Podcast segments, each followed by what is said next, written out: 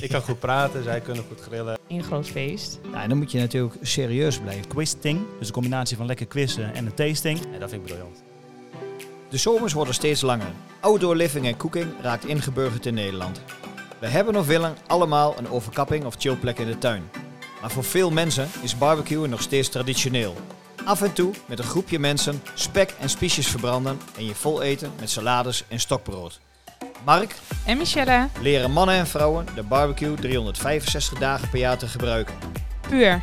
Lekker, verbindend en gezond. Als maaltijd of als gezellige barbecue. Met vrienden, familie of relaties.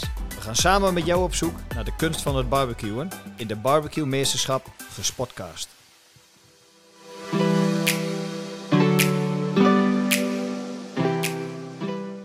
Nou, daar zijn we weer met een eh, nieuwe Barbecue Meesterschap Gespotcast. Michelle, je bent er weer. Hoi. Hey, je moet even vertellen, ik heb hele mooie foto's van je voorbij zien komen. Wat is er aan de hand? Ja, ik heb ehm, samen met Marielle Lubbes van Marigold 12 hebben we een fotoshoot gedaan. Dat was dag 1. Ik ben onder andere met een heel groot stuk vlees op de foto geweest. Gegaan eigenlijk voor onze nieuwe website. Het was echt een groot feest. Ehm, hele mooie beelden, tenminste wat ik nu al heb mogen zien. Dus ik kan niet wachten tot het eindresultaat. En we gaan nu op naar dag 2. Mooi hè? Ja, ik ben heel benieuwd, maar eh, het is wel mooi om te vertellen, want eh, er wordt een nieuwe website gebouwd voor Kolenbootje. Mhm. na, eh, na vier jaar werd het tijd. En eh, met integratie van onze community en eh, academy. En de podcast natuurlijk. En ja, eh, we zijn vandaag weer een podcast. Een mooie gast vandaag. Interessant gesprek. En eh, we hebben denk ik een eh, barbecue nee of niet? Ja, zeker. Ehm, namelijk van Laurens de Jonge, een van onze Instagram-volgers.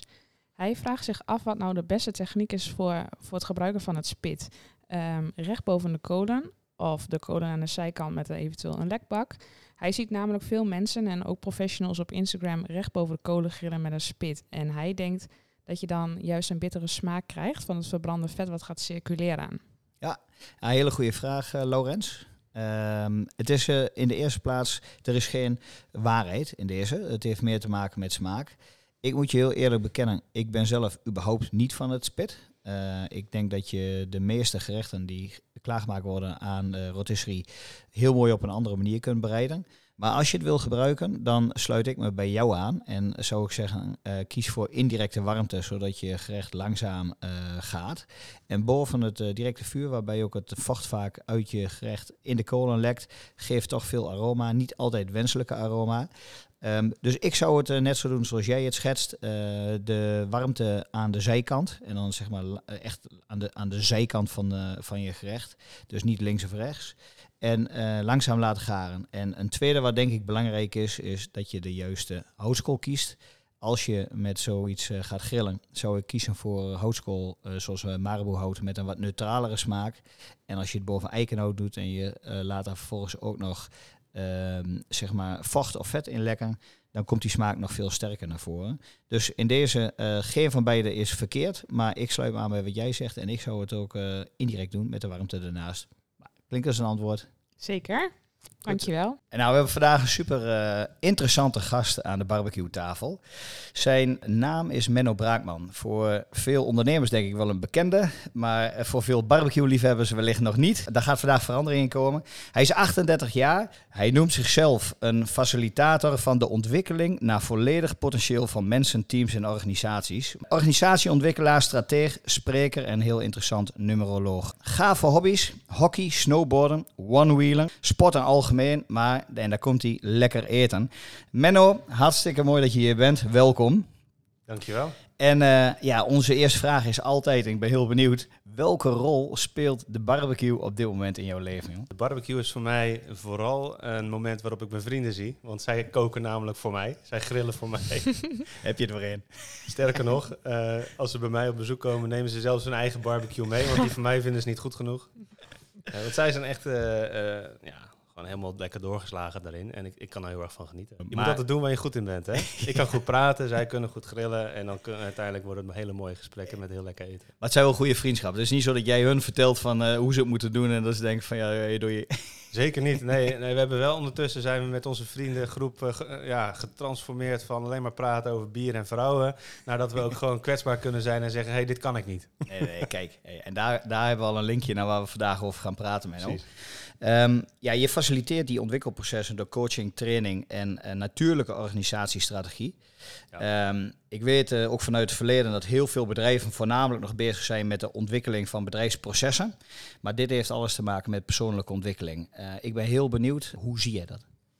Ik denk dat heel veel bedrijven waanzinnig goed zijn in de structuur goed neerzetten, in de processen goed neerzetten.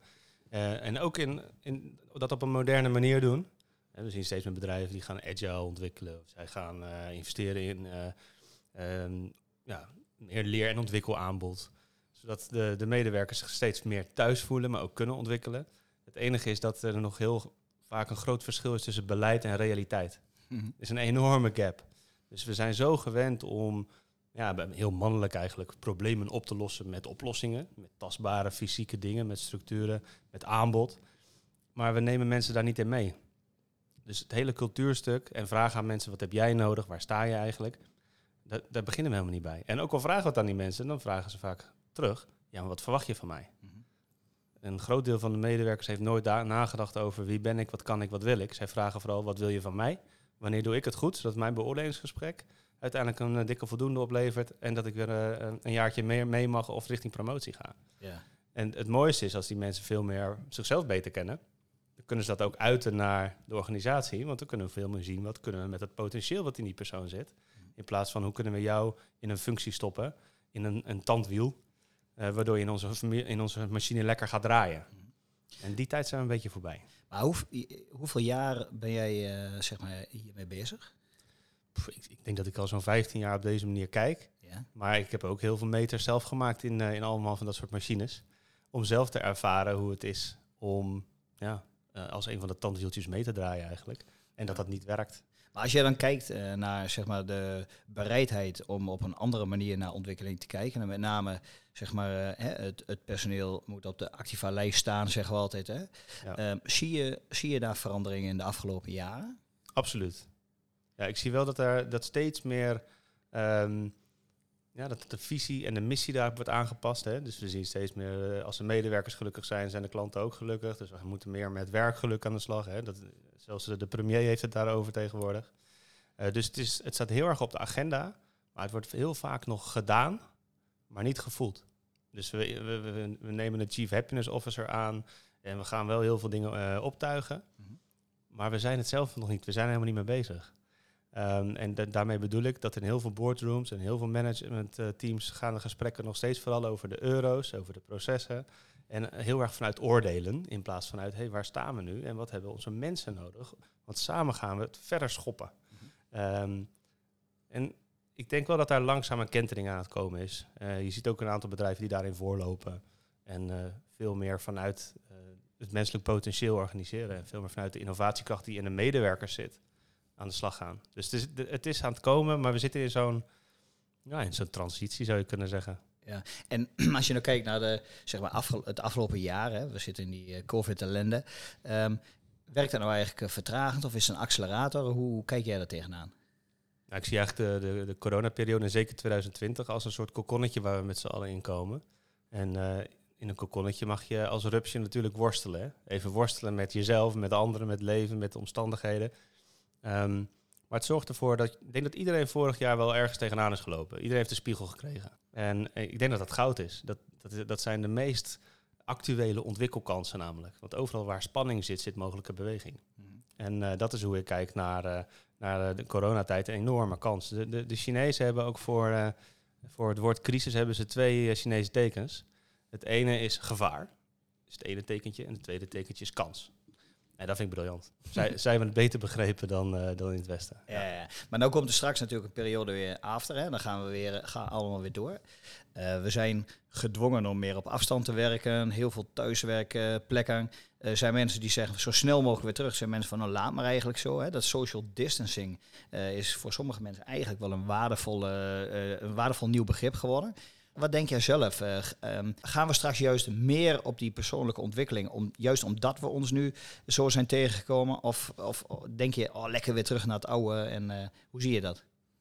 Nou, ik denk hoe meer je op jezelf terug ben, ge- bent geworpen, of hoe meer je de ruimte hebt gekregen in je, om in je eigen context weer te ontdekken wie ben ik, wat kan ik, wat wil ik eigenlijk. Heel veel mensen kwamen achter wat wil ik en wat wil ik niet meer. Nou, in ieder geval heel veel mensen wilden een ander huis. Hè, de huizenmarkt is ontploft. Maar ook eh, het huis opnieuw inrichten, nou, noem maar op.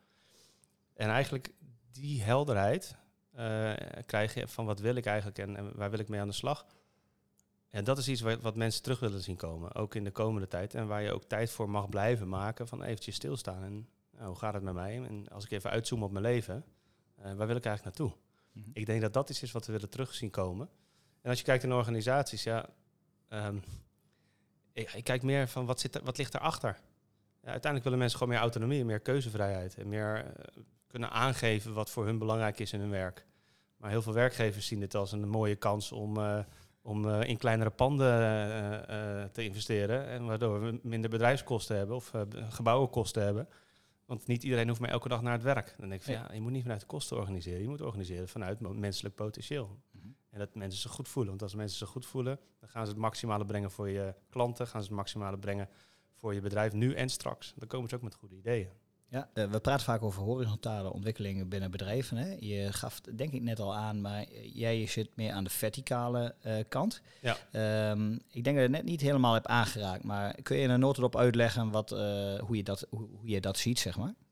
Ja, ik denk dat veel bedrijven eh, bewust investeren in de ontwikkeling van hun medewerkers. Maar het zit vaak voor 80, 90 procent op horizontale ontwikkeling, horizontaal leren. En dat is het aanleren van vaardigheden, van skills. Mhm. Eh, eigenlijk beter worden in je vak vaak. Hè? Eh, of leren omgaan met eh, bepaalde eh crisissituaties of conflicten of feedback geven, noem maar op. Terwijl verticale ontwikkeling zit veel meer op ehm, hoe kom ik erachter dat, ehm, dat ik weer een stap mag maken in mijn ontwikkeling. En dat, en dat is eigenlijk in je bewustzijnsniveau een stap opschuiven. Je kan zeggen in je wereldbeeldniveau.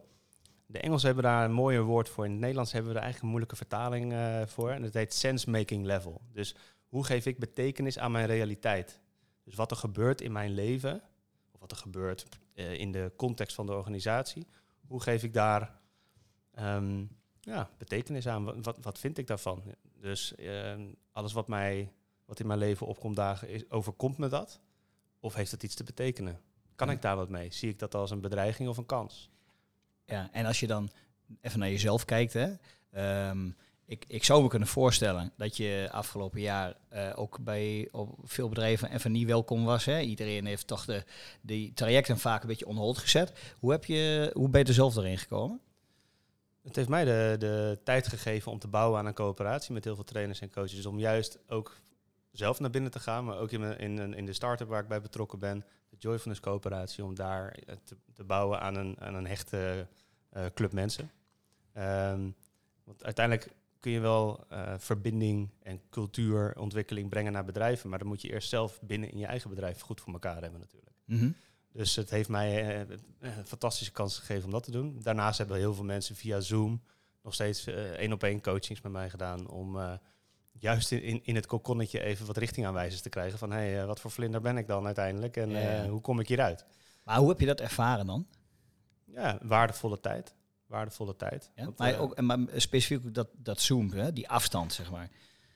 Zoomen is ehm, eh, leuk voor even, maar eh, op een gegeven moment verlang je enorm naar de, de fysieke ontmoetingen. En ik merk ook dat heel veel mensen het prima vinden om gewoon bij mij op bezoek te komen. Door één op één, dat, dat gaat best. Ja. En, en als, en als we gewoon elkaar als volwassenen zien die, die aangeven wanneer ze niet fit zijn, dan kun je ook gewoon aangeven wanneer je wel of niet fysiek bij elkaar kan komen. Dus dat, ging, dat ging eigenlijk ook heel erg goed. Nou, mooi. Menno, je houdt je bezig met de, met de verbinding van medewerkers met eh, partners en klanten vanuit openheid en authenticiteit. Ja. Maar welke resultaten zie je hierbij ontstaan? Ik denk dat het belangrijkste eh, wat je in elke organisatie, in elk team, maar in, überhaupt in elke samenwerking tegenkomt, is dat je elkaar echt kent. En heel vaak, eh, op het eerste gezicht, maar ook eh, überhaupt op ons werk, hebben we heel veel maskers. En hebben we heel veel ja, professionaliteit die we moeten uitstralen, noem maar op. Waardoor we eigenlijk niet laten zien wie we echt zijn. En de, de grote kracht achter meer van jezelf durven laten zien, meer authenticiteit, maar ook kwetsbaar durven zijn. Dus ook vertellen eh, hoe, dat als het even minder met je gaat, of als je iets spannend vindt, of, of er even niet uitkomt. eh, dat zorgt ervoor dat er een, eh, vanuit die, die kwetsbaarheid veel meer verbinding ontstaat. Op een dieper niveau. En ehm, dit klinkt misschien zweverig, maar dit is precies hoe in de natuur ehm, het zelforganiserend vermogen eh, vrijkomt. Dat is namelijk vanuit een diepere connectie. Dat is hoe zwermen vogels, eh, hoe, hoe die samen in dezelfde richting gaan steeds. En dat komt omdat ze op een dieper niveau zijn geconnect. En heel veel organisaties hebben die niveaus niet bereikt. Dus daarom leggen we het allemaal vast in functies en functiebeschrijvingen en hoe die tandwieltjes in elkaar grijpen. En die hebben we niet meer nodig op het moment dat we gewoon een eh, diepere connectie hebben. Dus ik gebruik heel vaak ook mijn eigen kwetsbaarheid in groepen, zodat er veel meer openheid komt in iedere sessie die ik, die ik faciliteer. Maar ook in mijn coaching. Ik ben geen ehm, psycholoog die met een diagnose komt en dan een behandeling. Ehm, maar iemand die gewoon zijn eigen verhaal vertelt. Want va- vaak komen er mensen op mijn pad die net in midden in een verhaal zitten waar ze ergens tegenaan lopen, waar ik net uit ben. En dan mag ik ze een stukje verder helpen. Ik ben geen goeroe, maar ik heb, ik heb wel een paar verhalen meegemaakt. En Eh, wat wijze lessen eruit getrokken en die mag ik dan doorgeven. is toch prachtig? Ja, mooi. Maar dan ben ik eigenlijk ook wel benieuwd hoe jij kijkt naar eh, de kracht van onze werkwijze. Eh, want wij gebruiken de barbecue om die verbinding te creëren eh, binnen teams en klantrelaties door samen maaltijden te bereiden. Ehm, in onze eigen omgeving, hier in het bos. Ja. Door het samen bereiden van gerechten op de barbecues. Ja. Ehm, en ja, wij zien daar eigenlijk wel hele mooie dingen ontstaan. Dus ik ben eigenlijk benieuwd hoe jij, eh, ja, hoe kijk jij hier tegenaan? Ja, dat snap ik helemaal. Ik denk dat eh, een grote voorwaarde voor veel mensen om meer van zichzelf te laten zien is, is tot ontspanning komen. Mhm. En voor heel veel eh, mannen die goed zijn met het lijf en met de handen, maar ook met het hoofd, die gaan vaak pas meer delen als ze ook lekker met die handen aan de slag zijn. Maar je hebt het over mannen en vrouwen dan? Vrouwen zeker ook. Oké. Vrouwen zeker. Maar, maar ik denk, ik zie het vooral iets als eh, op het moment dat je aan de slag bent eh, en, en het hebt over eh, lichte onderwerpen en over, dan, dan kom je vanzelf ook op onder, andere onderwerpen terecht. Maar als je ergens eh, roept van ja, we gaan, we gaan het hebben over onveiligheid of we gaan het hebben over kwetsbaarheid en pijn. Ja, daar kom- komt niemand opdagen hoor. nee. Maar, die, maar die, dat is wel uiteindelijk waar de diepere connectie op komt. Hè? Als, als je merkt, denk ik, tijdens jullie barbecue workshops of tijdens de bijeenkomsten, wat voor gesprekken daar ontstaan eh, over, ja, op diepere niveaus, zeg maar, over waar iemand tegenaan loopt. Dat is waar de, de diepste connectie ontstaat. Klopt. Ja. Dat gaat zelden over eh, zaken. Ehm, Ja. Heb je nog een ander idee hoe we de barbecue eigenlijk kunnen inzetten binnen deze context? Ja, ik heb daar al even over nagedacht. Ik heb een aantal ideeën meegenomen. Eh, er zit, ik heb ook tien jaar in de marketing gewerkt, dus er zitten altijd ideeën bij mij. eh, Kijk, hey, dat is goed. Ja. Ik, heb, ik had één idee, ik, ik, heb, ik moet er altijd dan een naam aan geven. Dat heet op hete kolen. En eh, dat is eigenlijk het gesprek boven het vuur over wat je echt dwars zit. Dus iedereen geeft eigenlijk... eh, één iemand geeft eigenlijk aan van ja, dit, dit is waar ik echt mee zit op dit moment. Of waar ik tegenaan loop, privé of in mijn werk, noem maar op.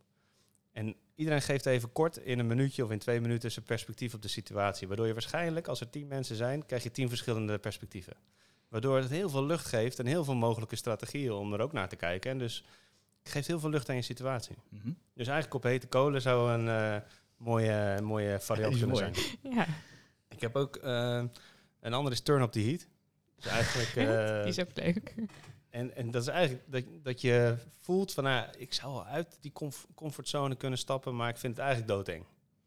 En, maar ja, als je dat wel doet, juist uit je comfortzone, daar zit je ontwikkeling. Hè? Dat weet iedereen wel. Dat, je weet al heel lang dat je iets zou moeten doen, maar je doet het maar niet.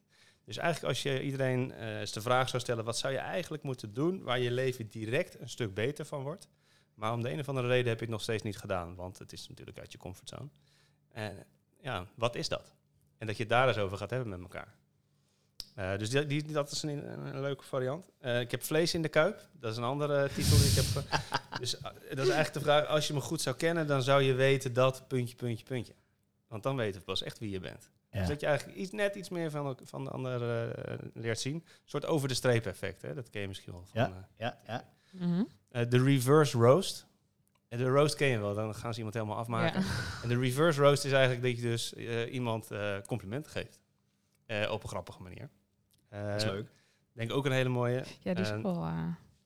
Ik heb slow cooking meegenomen. Slow cooking, wanneer zou jij meer mogen vertragen en met aandacht kunnen leven? Want eigenlijk, ja, wat kom je hier doen? Vier uur lang lekker kletsen en, eh, en, en grillen en ja, vertragen. Mhm. Het is zoveel waard. Maar ehm, grappig is dat we het eigenlijk in ons bedrijfsleven bijna nooit doen.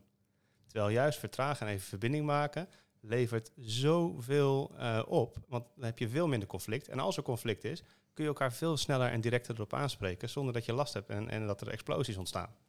Dus eh, volgens mij is dat een, eh, een hele interessante. Dus dat je het met elkaar deelt. Hoe zou ik ook in mijn organisatie wat meer kunnen vertragen? En vanuit verbinding kunnen werken. En als laatste had ik smokescreen. En eh, dat gaat eigenlijk om hoe ga je om met situaties waar je even niet meer helder kan zien. Wat doe je dan? Nou ja, dus dat waren een aantal eh, Dit is toch prachtig? varianten die langskwamen. Ja, ik wil het heel graag met jou hebben over een ehm, gedeelde passie, denk ik. Eh, jij eh, bent eh, verder dan ik, moet ik heel eerlijk zeggen, maar ik vind het wel ontzettend interessant. En het gaat over numerologie. En numerologie voor heel veel mensen onbekend. Het is eigenlijk een, ja, een, een wetenschap op basis van getallen, maar het zegt ontzettend veel over ja, ehm, kenmerken, ei- kerneigenschappen van mensen, noem maar, maar op. En ehm, ik heb het altijd gebruikt bij sollicitaties, cv's, het zegt heel veel, het is heel leuk. Maar jij gaat daar echt ontzettend ver in. Ehm, jij spreekt over eh, je grootste natuurtalenten in beeld brengen middels numerologie. Eh, Ja. Hoe pak jij dat eh, in de basis aan? Ja, vijf jaar geleden liep ik tegen een, tegen een burn-out klachten aan, laat ik het zo zeggen.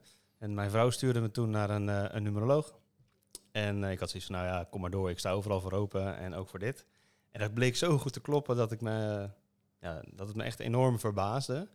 En er zit een soort wetenschapper in mij, die moet het dan ook bewijzen dat het ook echt klopt. Dus ik ben iedereen gaan uitrekenen, mijn vrienden, familie, ze werden helemaal gek van mij. Eh, topsporters, eh, want dan kun je natuurlijk hun verhalen kun je live volgen. Dus je ziet ook precies waarom zij zichzelf af en toe saboteren. Dat vind ik heel boeiend. En waarom ze juist wel die topprestatie leveren. En dan wil ik weten, wat, wat zijn dan hun natuurtalenten? Wat hebben ze te leren in dit leven? Maar ook wat is de combinatie van, ehm, van getallen op de dag dat zij die topprestatie moeten leveren? Eh, dus dat onderzoek ik continu. En ondertussen heb ik wel aan mezelf bewezen dat het altijd klopt. En toen dacht ik van, ah, dit, is, dit is waanzinnig. Dit, moet ik, eh, dit moeten meer mensen weten. Mensen die ervoor openstaan, laat ik het zo zeggen. Nou, en wat blijkt nou, be- behoorlijk wat mensen staan daar ondertussen voor open. Zeker als iemand ja, vanuit een business-achtergrond, marketing-achtergrond... en die niet uitziet als een zweverig type, zoals ik. Eh, ik zie er eh, uit als ja, gewoon iemand, kan ik bevestigen hoor. ja, iemand die, eh, die gewoon uit de zakenleven komt... en die dan in één keer begint te praten over cijfers. Dan, dan wil het, staan mensen er wel voor open om eens eh, dat te doen. Ik ga meestal niet uitleggen wat het allemaal precies is of hoe het werkt. Ik begin gewoon. Ja. En, en ja, hoe verrast mensen dan zijn wat daar uitkomt, dat is waanzinnig. En je kan het op van alles toepassen. Dus op jezelf. Wat heb ik zelf te leren? Wat zijn mijn grootste talenten? Waarom ben ik hier? Eh, Wat is mijn grootste uitdaging in mijn leven? En hoe kan ik daarmee omgaan? Maar ook, ehm, ja, ik, eh, wat, wat mij heel erg heeft geholpen is... Vroeger zag ik, nou vroeger, zo'n vijf, zes jaar geleden... lastige situaties en lastige mensen zag ik als klootzakken. En klote situaties. En eh, waarom overkomt mij dit allemaal? Een beetje in die slachtofferrol. En door numerologie ben ik gaan kijken naar die mensen en die situaties als trainingen en trainers van lessen. En die uitdagingen die trek ik aan om iets van te leren. Dus in die zin eh, heeft het mij gebracht dat elke keer dat ik merk dat ik ergens vanuit balans raak of als ik weerstand ervaar, dan weet ik, eh, hier heb ik weer wat te leren. Waardoor je, en dat is denk ik de basis van ontwikkeling, van persoonlijke ontwikkeling, is verantwoordelijkheid nemen voor hoe jij je voelt. En voor de disbalans die bij jou binnen is, dan weet je, hey, ik heb wat te doen. Mhm. In plaats van dat je die andere de schuld gaat geven. Dat is heel makkelijk, maar niet hoe het werkt. Nee, precies. Dus dat is het belangrijkste wat numerologie mij heeft gebracht. Dat ik zelf in ontwikkeling ben gekomen. En nu mag ik, eh, ja, iedere week weer komen mensen bij mij eh, langs om te kijken, om eigenlijk de puzzel van hun leven te leggen. Van, ja, wat, wat is er dan gebeurd in mijn jeugd en nu en straks? En, en als ik nou naar de combinatie van al die talenten kijk, wat past dan het beste bij mij? Welke rollen in een organisatie, welke rollen in een team, in een project? Ehm, en wat voor type mensen zou ik eigenlijk eh, naast mij neer moeten zetten die complementair zijn aan mij, waardoor we samen nog verder komen? En dat is eigenlijk waar ik naar kijk, eh, in de basis. Mooi. Ik vind numerologie eigenlijk super interessant. Ehm, ik heb er met Mark eigenlijk ook regelmatig wel, eh, wel over. Ehm, maar omdat ik het zo interessant vind, wil ik er ook eigenlijk van alles over weten. En vraag ik me eigenlijk wel af of je ook bepaalde profielen kan schetsen bij mensen. Dus ehm, ja, wat voor profielen vanuit numerologie ehm, passen eigenlijk bij culinair ingestelde mensen? Heb je daar, kan dat? Zeker, zeker. Ehm, er zijn wel een paar varianten. Je hebt, je hebt echt de, de kunstenaars eh, achter, de, achter het fornuis of achter het barbecue. Dat zijn vaak drieën. Dat zijn hele creatieve mensen. Of 33. Oké. Want de drieën staan voor, de, voor enorme creativiteit. Mhm. Ehm, en die hebben dus const- continu inspiratie om weer met nieuwe gerechten aan de slag te gaan. En doen dat heel erg op gevoel. Eh, dus zij, zij zijn daar eh, heel erg fan van. Daarnaast zijn zessen. eh, dat zijn echt hele dienstbare mensen. En die willen graag zorgen voor anderen. Eh, je ziet ze in de zorg, maar ook in de horeca veel terug. Oké. Zij vinden het te gek om iets te organiseren, klaar te maken en mensen een goed gevoel te geven. Oké. Waarom gaan mensen jou opzoeken? Ik snap als ze problemen hebben, vraagstukken, bepaalde vraagstukken hebben, maar wat kunnen ze nou eigenlijk verwachten? Hè? Dat is ook even voor jezelf. Ja. Ze hebben je naar geluisterd. Ze zijn net als wij helemaal enthousiast. Je bent een, een eh, ja, mooie kerel. Je praat mooi. Je, we maken verbinding. Hè. We kijken elkaar aan. Dat vind ik heel erg belangrijk in, eh, in, in persoonlijk contact. Ja. Maar iemand die denkt, dit lijkt me hartstikke leuk. Het hoeft niet met een probleem. Hè. Het kan ook gewoon om een stukje zelfinzicht of een Zeker. vraag welke richting je nou eigenlijk op moet. Wat kunnen mensen verwachten als ze, als ze bij je komen? Ik krijg heel veel ondernemers bij mij eh, op bezoek. En met name omdat ze ehm, vaak voelen, er zit nog meer in mij of er zit nog meer in mijn organisatie. Of ik zit te veel vast in rollen die eigenlijk niet meer zo goed bij mij passen. Eh, bijvoorbeeld heel veel eh, ondernemers zijn begonnen als een soort pionier. Als innovator. En die willen iets neerzetten. Vooral, ze willen vernieuwing brengen. Maar op een gegeven moment heb je die toko staan. En merk je eigenlijk dat je vooral mensen aan het aansturen bent en op de tent aan het passen. Dat je in een beheersrol terechtkomt. Terwijl die helemaal niet bij ze past. Dus wat gebeurt er? Ze gaan hun, ja, ik, de, dat noem ik vaak een, de leeuw in hun, gaan ze toepassen op hun medewerkers. En brullen tegen je mensen werkt niet. Nee. En micromanagen ook niet. Want ja, ik deed het vroeger zo. En, eh, dus eigenlijk eh, geef ik ze aan, van kijk, dit is waar jouw kracht ligt. En natuurlijk kan je misschien ook wel een goede manager zijn of een goede beheerser zijn. Maar daarnaast moet er eh, jouw innovatieve talenten moeten een uitlaatklep krijgen. Dus je moet ergens tijd gaan vrijmaken om weer nieuwe dingen op te zetten. Dus ehm, nou, dat is een voorbeeldje, een dwarsstraatje waar veel ondernemers tegenaan lopen en bij mij eh, op langskomen.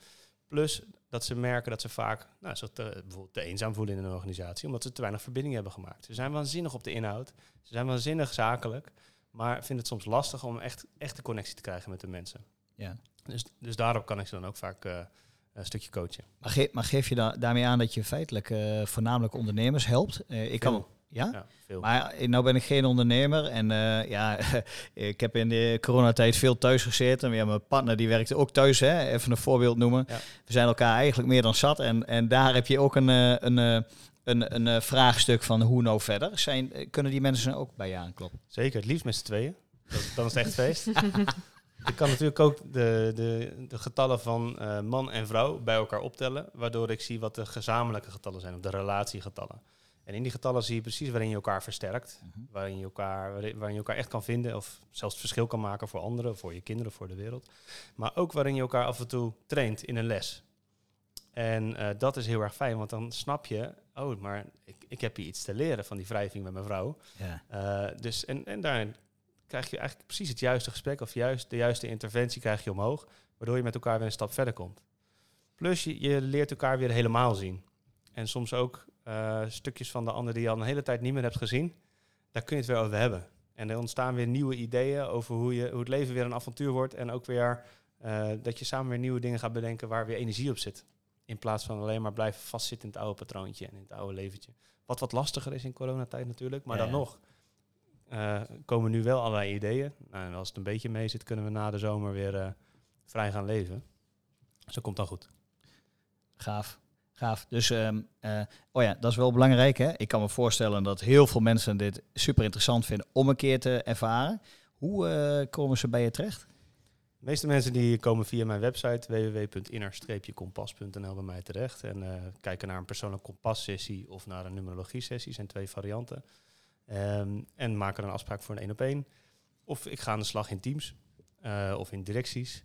Vaak dan wel eerst één op één, zodat ze uh, een beetje gewend raken aan mij en, uh, en, en snappen hoe dat zit. En wat ik dan merk aan het einde van een één op één sessie is dat ze enorm geïnteresseerd raken in hoe zit het dan met die andere uh, jongens in mijn team of met die andere directeuren en dan die andere mannen en vrouwen. Ja, Want ik wil wel weten, ja, volgens mij heeft hij dan een vijf en zij dan een zes. Ja, dus daar, dat, dat, dat, die spanning loopt dan al op en dan, en dan organiseren we een mooie teamdag waarin we ja, combineren met eten, zeilen doe ik vaak met mensen of het bos in. En, uh, en natuurlijk een team kompas sessie waar we elkaar helemaal gaan zien. Ik zeg vaak, soms is die kerel aan de overkant van de tafel, dat lijkt een eikel, maar als je hem helemaal leert zien, dan is het een potentiële eik. Hij heeft er nog wat lessen te leren. Goed hè? Nou, we hebben afgelopen jaar B-Grow gelanceerd. Dus een, uh, ja, een culinaire netwerkgroep voor ondernemers. Ja. Um, ondernemers die allemaal uh, eenzelfde passie hebben. En dat is eigenlijk lekker eten en vooral gezelligheid. Um, en verbinding heel belangrijk vinden. Um, heb je voor deze groep ondernemers uh, nog tips? En ook voor uiteraard andere ondernemers? Ja, tips. Ik, ik denk dat het meest interessante in ondernemen is dat je ja, dat, je, dat het bijna vrienden van je worden. Hè? En, en, en wanneer, wanneer zoiets gebeurt, dan, dan ga je elkaar verder helpen. Eh, dan ga je met elkaar meedenken, maar soms ook partneren. Ik denk dat dat heel veel waard is. En eh, dus mijn tip zal zijn, een beetje ook in lijn met alles wat ik al heb verteld, is hoe meer je van jezelf durft te laten zien, ook waarin je soms even niet lekker zit, ja, hoe, hoe meer eh, eh, verbindingen komen, ook hoe meer hulp je gaat, krijgen. En we zijn niet heel erg gewend om om hulp te vragen. En vaak willen we het allemaal zelf oplossen. Mhm. En zeker, nou, ik kan er zelf over meepraten. Mannen die gaan vaak heel snel naar de oplossing. Dat zijn de oplossers, hè. Maar om hulp vragen is toch best belangrijk. Mhm. Ja. En ik denk dat zo'n zo'n netwerk eh, ja, kan daar waanzinnig in, eh, in voorzien. Hey Menno, je merkt het wel hè. Wij eh, vinden zeg maar, jouw expertise ontzettend interessant. We praten nog steeds over barbecue, maar we kunnen de rest van de dag hierover praten. Waar we nog wel eventjes nieuwsgierig naar zijn, want we gaan zo meteen eh, zelf ook lekker wat bereiden en proeven. Super. Heb jij ooit eens ergens een barbecue gerecht gegeten wat je is blijven hangen waarvan je denkt van, yo, ik wist niet dat dat, eh, dat, dat mogelijk was van de, van de grill? Ik denk dat, er nog, eh, dat jullie nog veel exclusievere gerechten maken dan ik ooit heb gegeten. Maar ehm, ja, een vriend van mij die kan een waanzinnige picanha maken. eh, met een chimichurri saus waar je gewoon van achterover slaat. En dan, dan, dan, ja, dan wil ik niet meer stoppen met Zoveel eten. knoflook. Ja, ook dat. ik kan er echt van genieten. Dat is gewoon next level voor mij al. ja. Maar eh, denk dat er nog veel meer te ontdekken valt. En dat is denk ik ook het leuke van barbecue. Is dat je steeds weer nieuwe gerechten gaat uitproberen. En eh, steeds weer wat nieuws eh, ontdekt. Je kent nu ons een beetje. Hè, je weet dat wij eigenlijk met eh, weinig, eigenlijk helemaal niet saus en marinades werken. Ehm, wat denk je zo meteen van dit gerecht te gaan ervaren? Wat wij van de barbecue zullen gaan halen?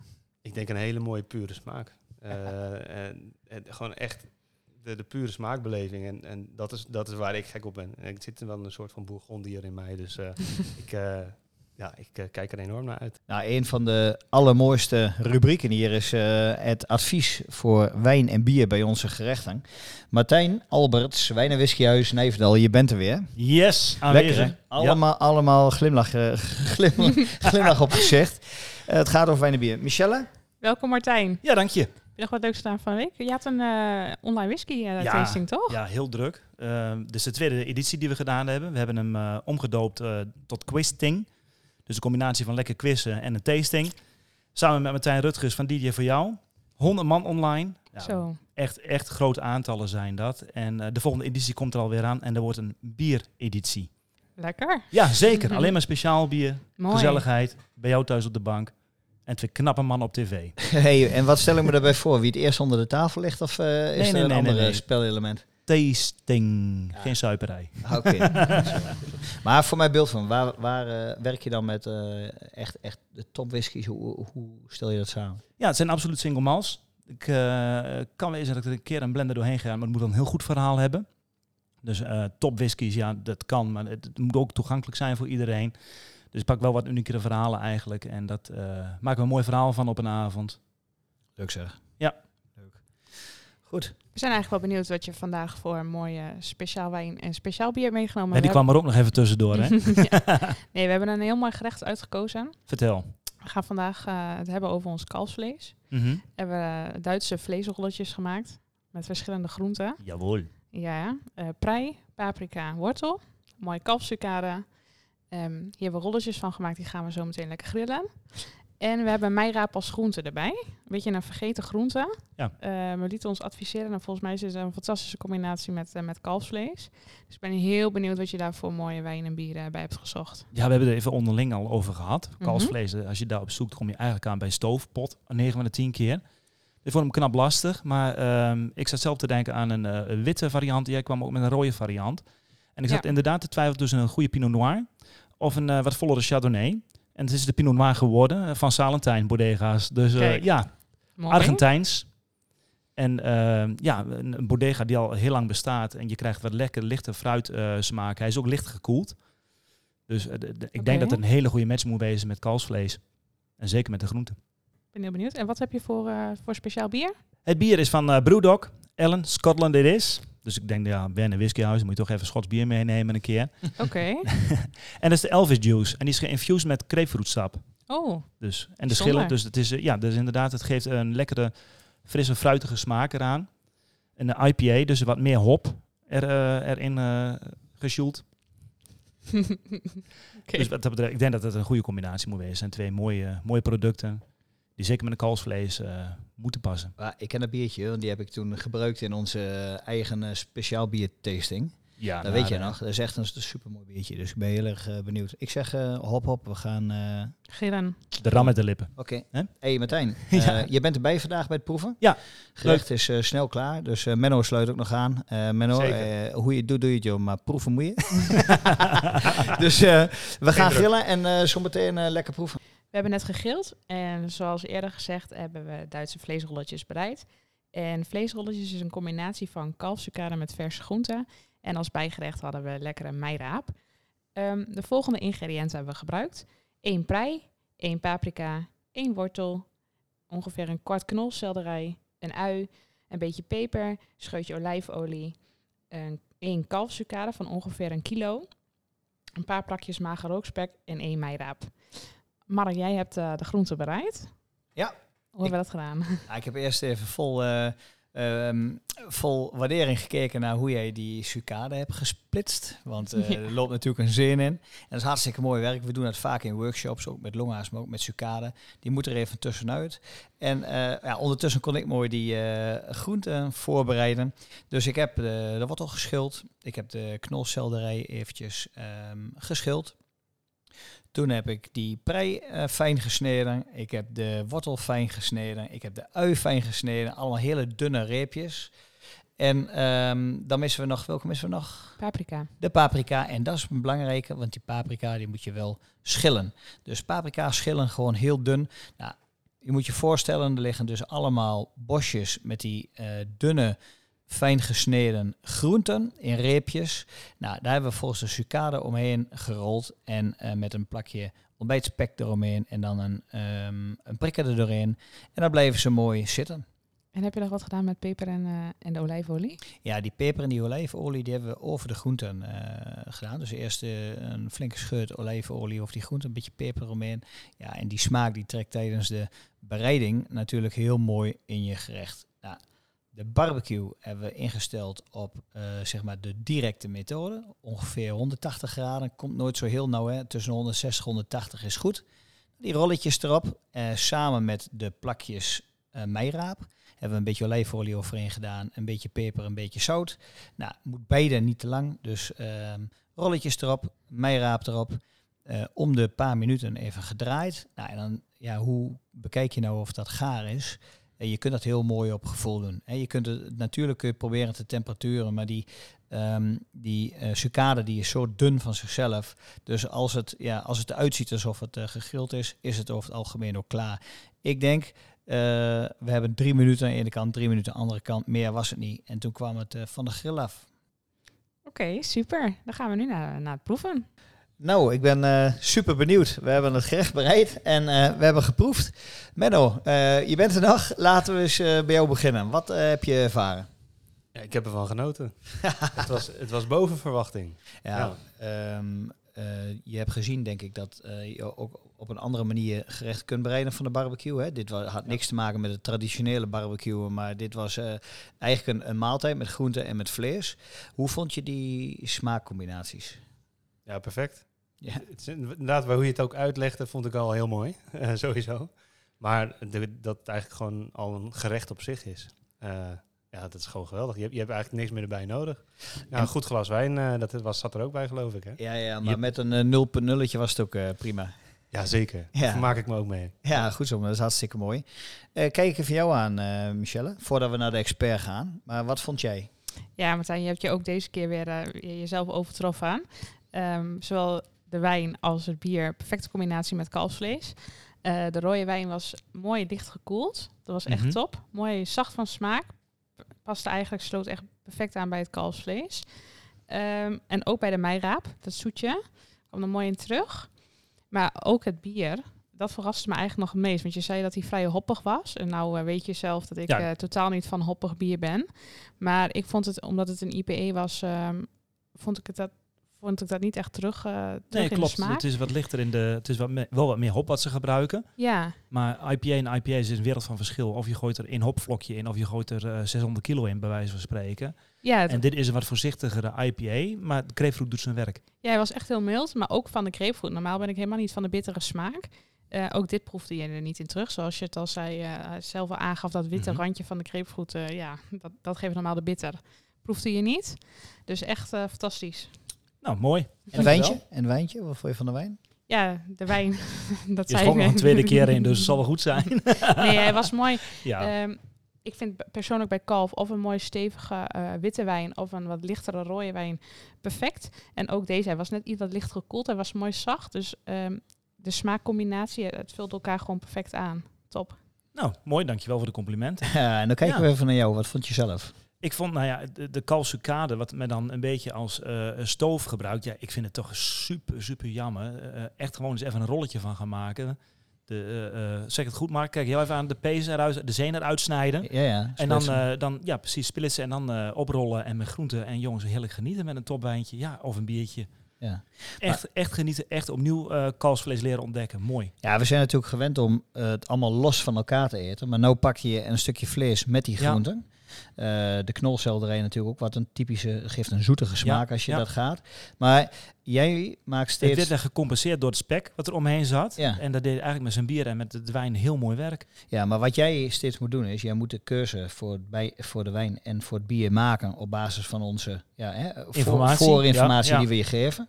Maar nou heb je hem zo meegeproefd. Wa- had je het anders gedaan of sta je er... eh, maar ik vond hem echt perfect. Nou, zoals Pipi Lanko zegt, ik denk dat ik het wel kan. Ja, ja. Ja, nee, dit is mooi. Maar net wat Michel ook zegt, je kunt er hier ook best wel een mooie eh, witte wijn bij doen. Een beetje een volle Chardonnay te overdrijven, met iets Viognier erin. Paul Mas is daar een hele mooi voorbeeld van. Gaat ook briljant met dit. Dus ook een beetje wat je zelf wil. Ja. Maar wat ik, de, wat ik de luisteraars graag mee wil geven is, eh, ehm, rode wijn kan echt licht gekoeld worden. En doe het vooral in de zomer. Ja. Geniet je veel meer. Ja, het was super. We stonden nu nog bij de heater, maar ik denk dat eh, het, eh, het resultaat was een beetje hetzelfde. Ik denk, eh, conclusie, ik denk dat eh, eh, de combinatie super was. Eh, gerecht mooi gemaakt. Hij was nog licht rosé, dus je had hem Ja, echt mooi afgevuld. Ja, jij was tevreden. Als je hier nu, Absoluut. ja, als je weggaat met, met, met honger, dat is altijd zo, dan is dat je eigen schuld. Maar ehm, top gedaan, denk ik. Mooie, mooie keuze. Dan sluiten we deze af. Martijn, in de eerste plaats jij weer bedankt voor je advies en eh super gaaf. Erg graag gedaan. Ja, Tot de volgende ronde vast. Ja, ja, nou, dat is over twee Ja, weken. toch? Menno, super mooi om jou hier te hebben eh, als gast aan de barbecue tafel. Ik denk, eh, kijk jou ook aan. Eh, mooi gesprek, eh, inhoudelijk, eh, interessant. iets waar veel mensen mee bezig zijn. En ja, ook voor jou alleen maar gaaf. Ik zou iedereen willen aanraden. Ben je op zoek naar, zeg maar, ja, hè, jezelf of een richting waarmee je, waarmee zeg maar, ehm, de toekomst in wil. Hartstikke leuk om jouw site een keer, zeg hem nog één keer Inner-kompas.nl inner-kompas.nl. Hartstikke gaaf. Ik wil jou bedanken eh, voor je komst en eh, we- zeker weten eh, tot snel. Ja, jullie ontzettend bedankt. Ja. Ik, heb, ik heb genoten. Nou, super, dankjewel. Menno, heel gaaf, dankjewel. Dat was echt superleuk dat je er was. Tot de volgende keer. Mark, normaal gesproken eh, temperaturen wij eigenlijk alle producten eh, die bij ons van de barbecue afkomen. Zowel het vlees als het vis. Dat hebben we dit keer niet gedaan. Maar eigenlijk zeggen we altijd meten is weten. Ehm, wat voor therm- thermometer kun jij nou adviseren? Nou, wat ik heel belangrijk vind is wat verwacht je eigenlijk van, eh, van die thermometer, van dit product. En eigenlijk zijn er twee soorten eh, verkrijgbaar op de markt. Er zijn heel veel varianten, maar het gaat eigenlijk om, heb je een eh, draadloze, hè, dan maak je verbinding via bluetooth met je telefoon of eh, wifi. Of heb je een penthermometer en daar kan wel een kastje aan zitten die naast je barbecue staat voor het aflezen. Maar je hebt ook gewoon die klapthermometers en daarmee prik je in je product. Nou, de vraag is even wat je ervan eh, verwacht. Er zijn best veel mensen die hele lange sessies doen en die vinden het dan makkelijk om op de telefoon af te kunnen lezen, op afstand ook, eh, hoe het staat met de kerntemperatuur van het product. Hè. Er zijn de mensen die eh, pulled pork en buikspek en dat soort dingen maken. Maar ja, je weet mijn voorkeur. Je moet je voorstellen dat je aan de tafel zit met gasten en je bent gezellig aan het eh, drinken en aan het kletsen. En de barbecue staat aan en er ligt een mooi stuk vlees op. En je moet je voorstellen wat er gebeurt als je dat deksel opentrekt, een paar keer over. Mensen kijken in die barbecue, de geur komt eruit en ze zien het mooie stuk vlees liggen. En als jij daar je thermometer in prikt en je kijkt even naar de temperatuur, dan ben je bezig met het creëren van een stuk beleving. Dus die mensen, eh, de, de speekselklieren beginnen te werken en die krijgen gewoon steeds meer trek. Ja, ik vind dat het eigenlijk zo hoort. Hè? Dus de barbecue bij de tafel en dan op deze manier bezig zijn met je vlees. Dus contact maken met je vlees. Dus uh, beide kan. Maar ik ben persoonlijk echt een groot voorstander van uh, die penthermometers, waarmee je dus echt contact maakt met je gerecht. Nou, dan is er eentje die wat mij betreft met kop en schouders boven alles uitsteekt. En dat is de TLC 700 van Ebro. En waarom? Het is een um, thermometer uit de professionele markt maar wordt veel gebruikt in, uh, ja, bij barbecue, maar ook in de horeca. En um, het voordeel daarvan is, hij, uh, het is er eigenlijk eentje met twee jaar garantie. Nou, we kennen allemaal wel die goedkope thermometers, die, die gaan gewoon heel snel kapot. En hij is heel accuraat en snel. Nou, en die combinatie, dat maakt het werken met die thermometer gewoon uh, ja, super prettig. Dus um, Ebro TLC 700, uh, ja, we verkopen heel veel van die dingen. We gebruiken ze zelf ook tijdens de workshops. Dus het is echt een uh, super, uh, super product voor nog eens zestientjes. Dus dat is echt een, een wat onze voorkeur heeft. Nou, wij willen heel graag uh, kennis en ervaring en leuke dingen delen met onze luisteraars. En uh, daarom is die, uh, zeg maar die Barbecue Academy, de Barbecue Meesterschap Academy van Kolenboertje, is gewoon een hele mooie, waar heel veel informatie wordt gedeeld over technieken en over producten. En een van ja, onze favorieten, Michelle kan ik wel zeggen, dat is ons kalfsvlees. En ik moet je heel eerlijk zeggen, um, ik weet nog dat je bij ons kwam en dat je ging praten over het kalfsvlees. En ja, um, hoe passievol jij over uh, jouw keuze van kalfsvlees kon spreken. Dat is me altijd bijgebleven. Ik zou het leuk vinden als je dat wilt delen. Uh, waarom kies jij voor kalfsvlees en helemaal voor wel kalfsvlees? Ja, nee, um, kalfsvlees uh, is in mijn ogen een beetje een vergeten product. Mensen vinden het vaak zielig of ze zeggen dat er, dat er minder smaak aan zit. Ik kies vanuit mijn achtergrond voor, voor dit kalfsvlees uit Duitsland. Um, komt bij de vijf na grootste kalfslachterij van Europa vandaan. Um, en waarom nou Duitsland zou je denken, hè? en waarom niet Nederland? In Duitsland um, slachten ze kalveren namelijk tot maximaal acht maanden. En hier in Nederland mag je een kalf slachten tot, uh, met een uitloop tot 12 maand. En dan moet je je voorstellen, dan heb je eigenlijk al een jong rund. Dus de structuur van het vlees wordt anders. Daarnaast krijgen ze uitsluitend plantaardige voeding. Dus het intramusculaire vet, het vet wat door de spieren heen loopt, heeft een heel laag smelpunt. Dus dat smelt ontzettend snel. En in Duitsland uh, laat ze het eerst, nadat ze het kalf slachten, eerst 48 uur aan het been rijpen. Uh, oftewel langzaam besterven. Je moet je voorstellen, als je uh, net geslacht vlees gelijk in de koelcel hangt, dan knalt die kou in de spieren en trekken die spieren samen. Krijg je uitsluitend um, ja, taaier vlees.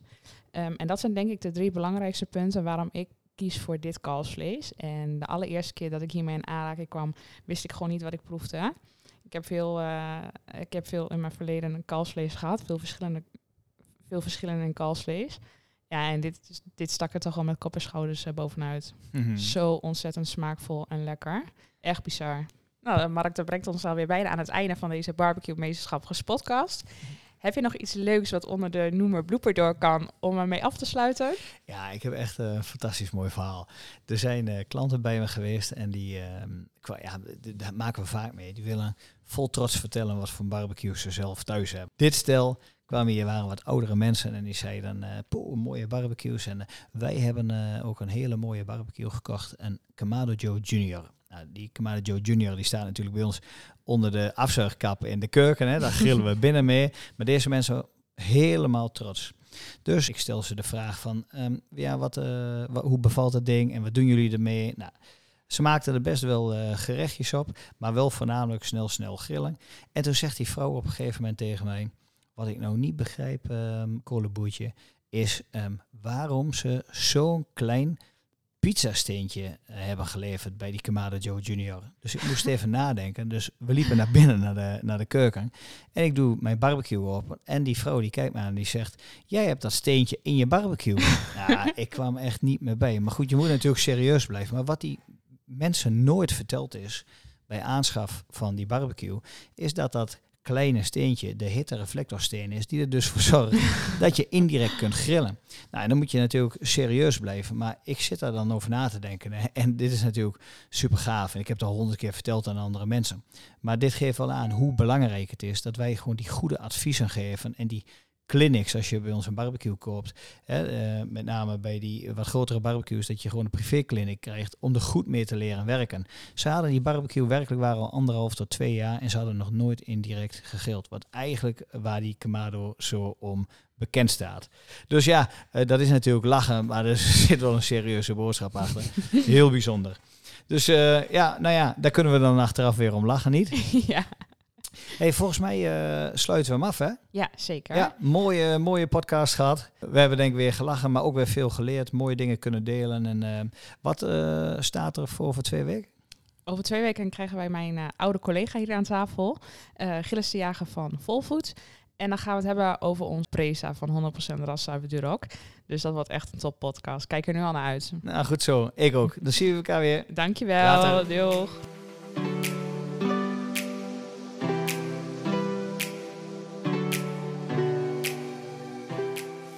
Wij vinden het echt super gaaf dat je weer luisterde naar een aflevering van de Barbecue Meesterschap Gespotcast. Dankjewel. Nog even kort een paar belangrijke dingen. Wist je dat het echt heel eenvoudig is om ons te laten weten wat je van deze podcast vond door een review achter te laten? Ga daarvoor naar je podcast-app waarmee je deze luistert en klik op reviews. Beoordeel ons met sterren en als je wilt met een geschreven review. Waarvoor dank. Wil jij voortaan alle afleveringen overzichtelijk onder elkaar? Abonneer je dan op onze podcast. Klik hiervoor in je app op de button subscribe en je ontvangt automatisch een bericht als er een nieuwe podcastaflevering verschijnt. Wil je sfeerimpressies of behind-the-scenes beelden zien? Ga dan naar Instagram en volg ons via kolenboertje underscore. Namens Team Kolenboertje en alle leden van onze community, nogmaals dankjewel voor het luisteren en heel graag tot de volgende Barbecue Meesterschap Gespotcast.